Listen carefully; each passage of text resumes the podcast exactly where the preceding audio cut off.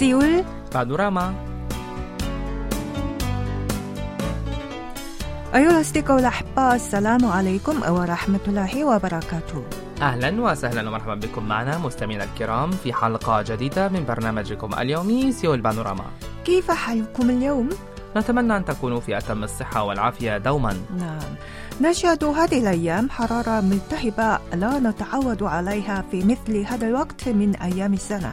نعم نشعر كأننا في منتصف شهر أغسطس الذي يمثل ذروة الصيف في كوريا عادة. نعم. ولهذا نود افتتاح حلقة اليوم بخبر قد يخفف من هذه الحرارة ألا وهو افتتاح عدد من المصايف البحرية في مدينة بوسان الواقعة في أقصى جنوب شرق البلاد.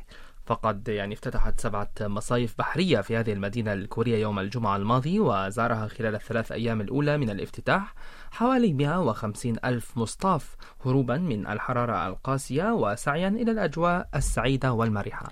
ومن المؤكد أن سعادتهم زادت بفضل خلي الكمامات على شواطئ لأول مرة منذ ثلاث سنوات.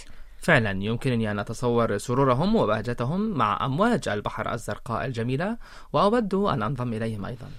أعرف أنك زرت مدينة بوسان للسياحة قبل فترة ولهذا تستطيع تصور ذلك على نحو أكثر حيوية. نعم أليس والله كذلك؟ كنت أفكر يعني حتى قبل الحلقة أن أذهب إلى بوسان يعني ربما في نهاية الأسبوع ولكن مع هذا الخبر إن شاء الله سأذهب يا لايت إذا نفتتح حلقة مع هذه الأغنية الكورية التي تخفف أيضا من حرارتنا وهي أروها والتي تغني الفرقة كول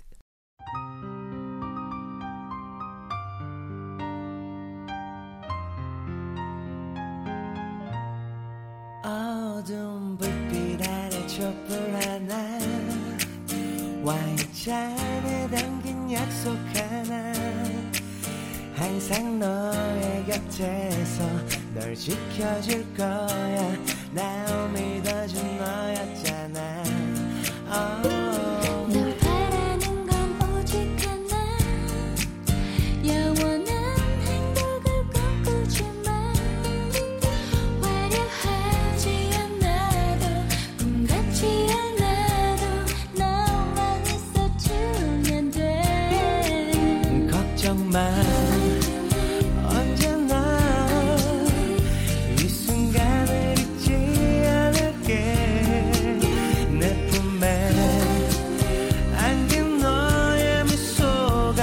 영원히 비추리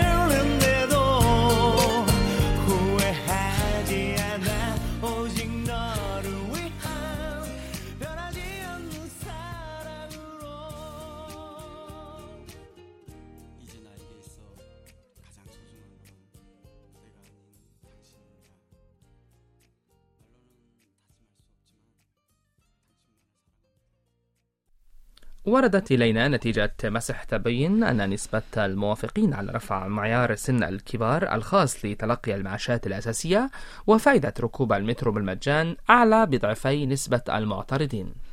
وأجرت أربع وكالات كوريا لاستطلاعات رأي بما في ذلك وكالة كوريا ريسيرش مسحا على 1002 من الكوريين رجالا ونساء تتجاوز أعمارهم 18 عاما خلال يومي السابع والعشرين والتاسع والعشرين من الشهر الماضي.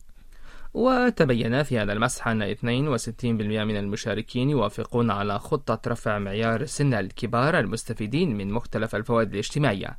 من 65 عاما حاليا إلى 70 عام بينما اعترض عليها 34% وحول تمديد سن التقاعد من العمل من 60 عاما إلى 65 عاما. وافق عليه 84% بينما اعترض عليه 13% فقط. وبالنسبة للرأي القائل بضرورة قبول المهاجرين الأجانب بشكل إيجابي وافق عليه 43% بينما اعترض عليه 50% وحول إصلاح المعاشات الوطنية من أجل تخفيف أعباء الأجيال القادمة وافق عليه 48% بينما اعترض عليه 45% وحول دفع معاشات الموظفين الحكوميين والجنود والمدرسين بمعيار متساوي مع المعاشات الوطنية وافق عليه 63% بينما اعترض عليه 26% كما هو معروف فإن كوريا تشهد انخفاضا كبيرا في نسبة الخصوبة وارتفاعا كبيرا في نسبة كبار السن. لهذا فإنها في حاجة ماسة إلى إجراء إصلاحات خاصة في مجالات الوظائف والمعاشات والخدمات الاجتماعية. ولكنها على ما يبدو في حاجة أيضا إلى المزيد من المناقشات الاجتماعية ذات صلة. نعم أتفق معك. وقبل أن ننتقل إلى خبر آخر هيا نستمع إلى هذه الأغنية الكورية بعنوان شنهو دون أي يعني الإشارة الضوئية وهي بصوت الفنان إيموجين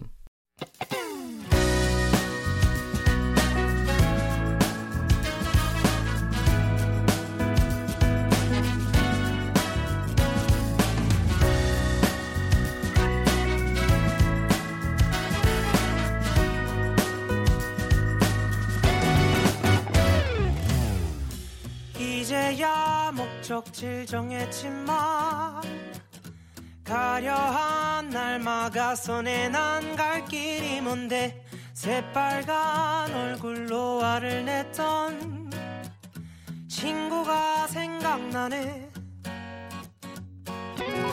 이미 난 발걸음을 뗐지만 가려한 날 재촉하네. 걷기도 힘든데 새파랗게 겁에 질려 도망간 친구가 내 맴도네.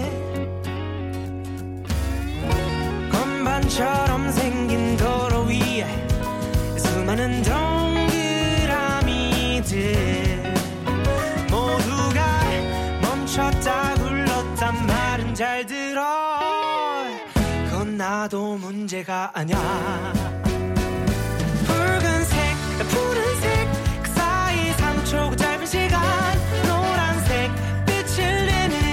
저기 저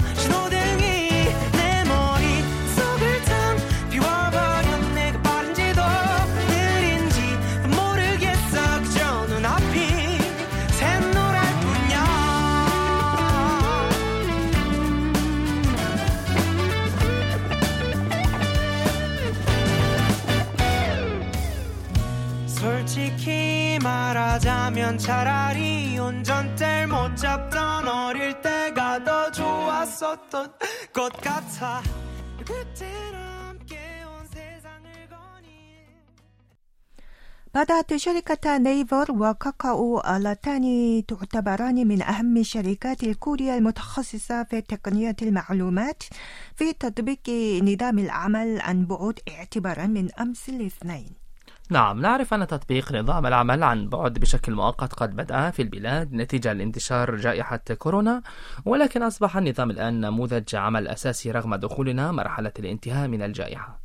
وقد بدأت شركة نيفو أمس في تطبيق نظام العمل المتصل الذي يسمح لموظفيها اختيار ما بين نموذج العمل عن بعد ونموذج العمل المكتبي الجدير بالذكر أن نموذج العمل عن بعد يشير إلى القيام بالعمل عن بعد طوال خمسة أيام من أيام الأسبوع.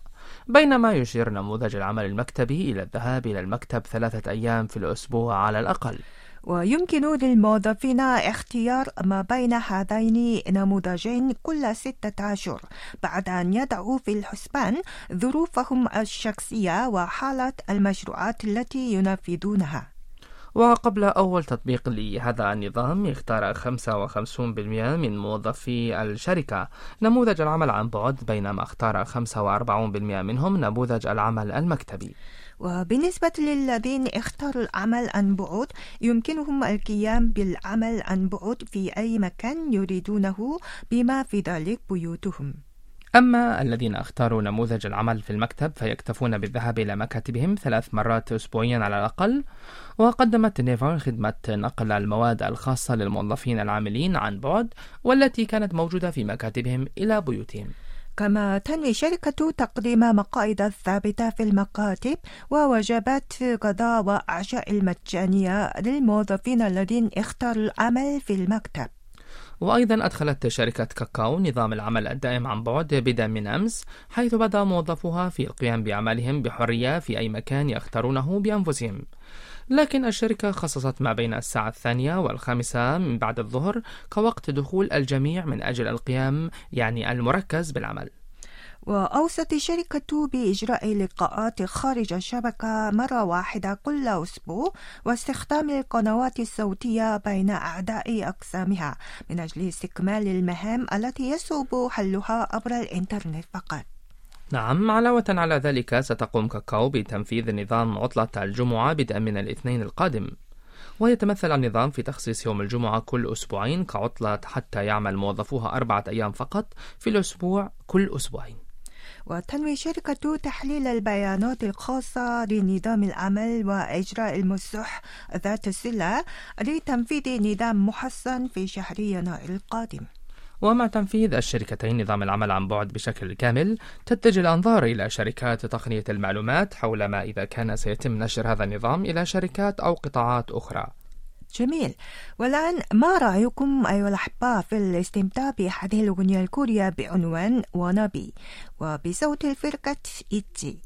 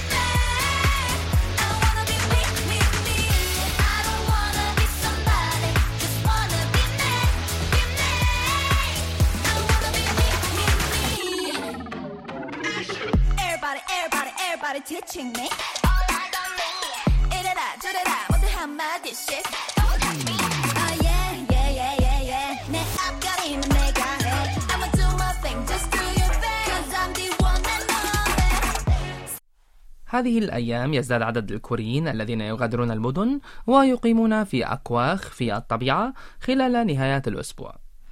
يرجع السبب في ذلك إلى رغبتهم في ترك المدن الصاخبة والإقامة في أوخاخ لفترة قليلة ثم العودة إلى حياتهم العادية. فعلى سبيل المثال بدأ الموظف أوسين كون الذي يبلغ عمره 33 عام في ممارسة نموذج الإقامة في كوخ في نهايات الأسبوع منذ عام واحد. وقام أو الذي يسكن مع أسرته في مدينة ببناء كوخ في ضاحية مدينة يونين في مقاطعة كيونغي في نهاية العام الماضي الذي شهد ذروة جائحة كورونا. نعم وقد فضل بناء كوخ يسمح له بالإقامة بالقرب من الطبيعة على شراء سيارة بقيمة عشرات الآلاف من الدولارات. وقال إنه مارس نوع من الاستهلاك القيم اختاره بنفسه بدلا من شراء سيارة أو القيام برحلات إلى الخارج. وأضاف أنه شارك في دورة خاصة لبناء البيوت تنظمها شركته ثم قام ببناء كوخه بنفسه من أجل توفير تكلفة البناء.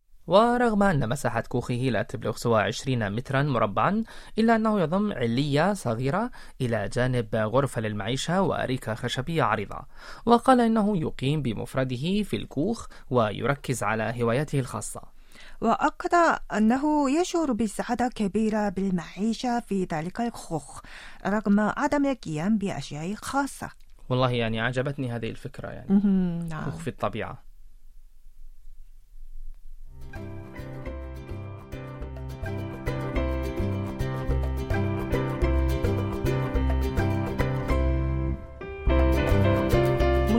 الأعزاء من المتوقع أن تقام الجولة السابعة من مسابقة الإلقاء باللغة الكورية تحت رعاية ال KBS World Radio ويمكنكم المشاركة في المسابقة التمهيدية من خلال اختيار موضوع واحد من بين ثلاثة موضوعات رئيسية وكتابة النصوص باللغة الكورية وإنتاج فيديو تبلغ مدته حوالي دقيقة واحدة. ويرجى اختيار موضوع من بين الموضوعات الثلاثة التالية. الأول حول الحب بما في ذلك حب العائلة أو الأصدقاء أو الحيوانات الأليفة أو نجوم الكيبوب أو الكتب المفضلة أو نفسك أو اللغة الكورية أو أي شيء تحبونه. والموضوع الثاني حول السلام. بما في ذلك التعبير عن أفكاركم حول السلام مثل الوصول إلى عالم خال من الحروب وعالم يلعب فيه الأطفال بكل حرية وغير ذلك. أما الموضوع الثالث والأخير فهو حول الكلمة التي تريدون إلقاءها إذا استطعتم الالتقاء بالملك سيجونغ الذي ابتدع الحروف الكورية هانجل ويرجى منكم مراجعة تفاصيل من خلال زيارة موقعنا على الإنترنت world.kbs.co.kr حيث تجدون بدءا من اليوم الخامس من شهر يوليو الحالي أي اليوم صفحة خاصة بالمسابقة. ولا تنسوا أن موعد التقدم للمسابقة التمهيدية سيبدأ بعد غد الخميس السابع من يوليو وينتهي يوم التاسع والعشرين. ونتمنى لكم أو يعني لكل المشاركين كل التوفيق والنجاح. أيضا أيها الأحبة انتهت فترة التصويت. لاختيار أفضل ثلاثة فائزين في مسابقة يالا كي باب بكل نجاح أمس. ونشكر جزيل الشكر على كل المستمعين الذين شاركوا في عملية التصويت مشاركة كبيرة والفعالة. نعم ومن المتوقع أن نعلن عن أفضل ثلاث متسابقين في كل من الغناء والرقص بعد إجراء تقييم صارم ودقيق بواسطة لجنة التحكيم المكونة من طاقم القسم العربي وشركة إس إم للترفيه. يا ترى من سيكون الفائز النهائي في مسابقة يالا كي باب تعرفوا على أفضل نجم كي بوب عربي في هذا الشهر من خلال قنواتنا.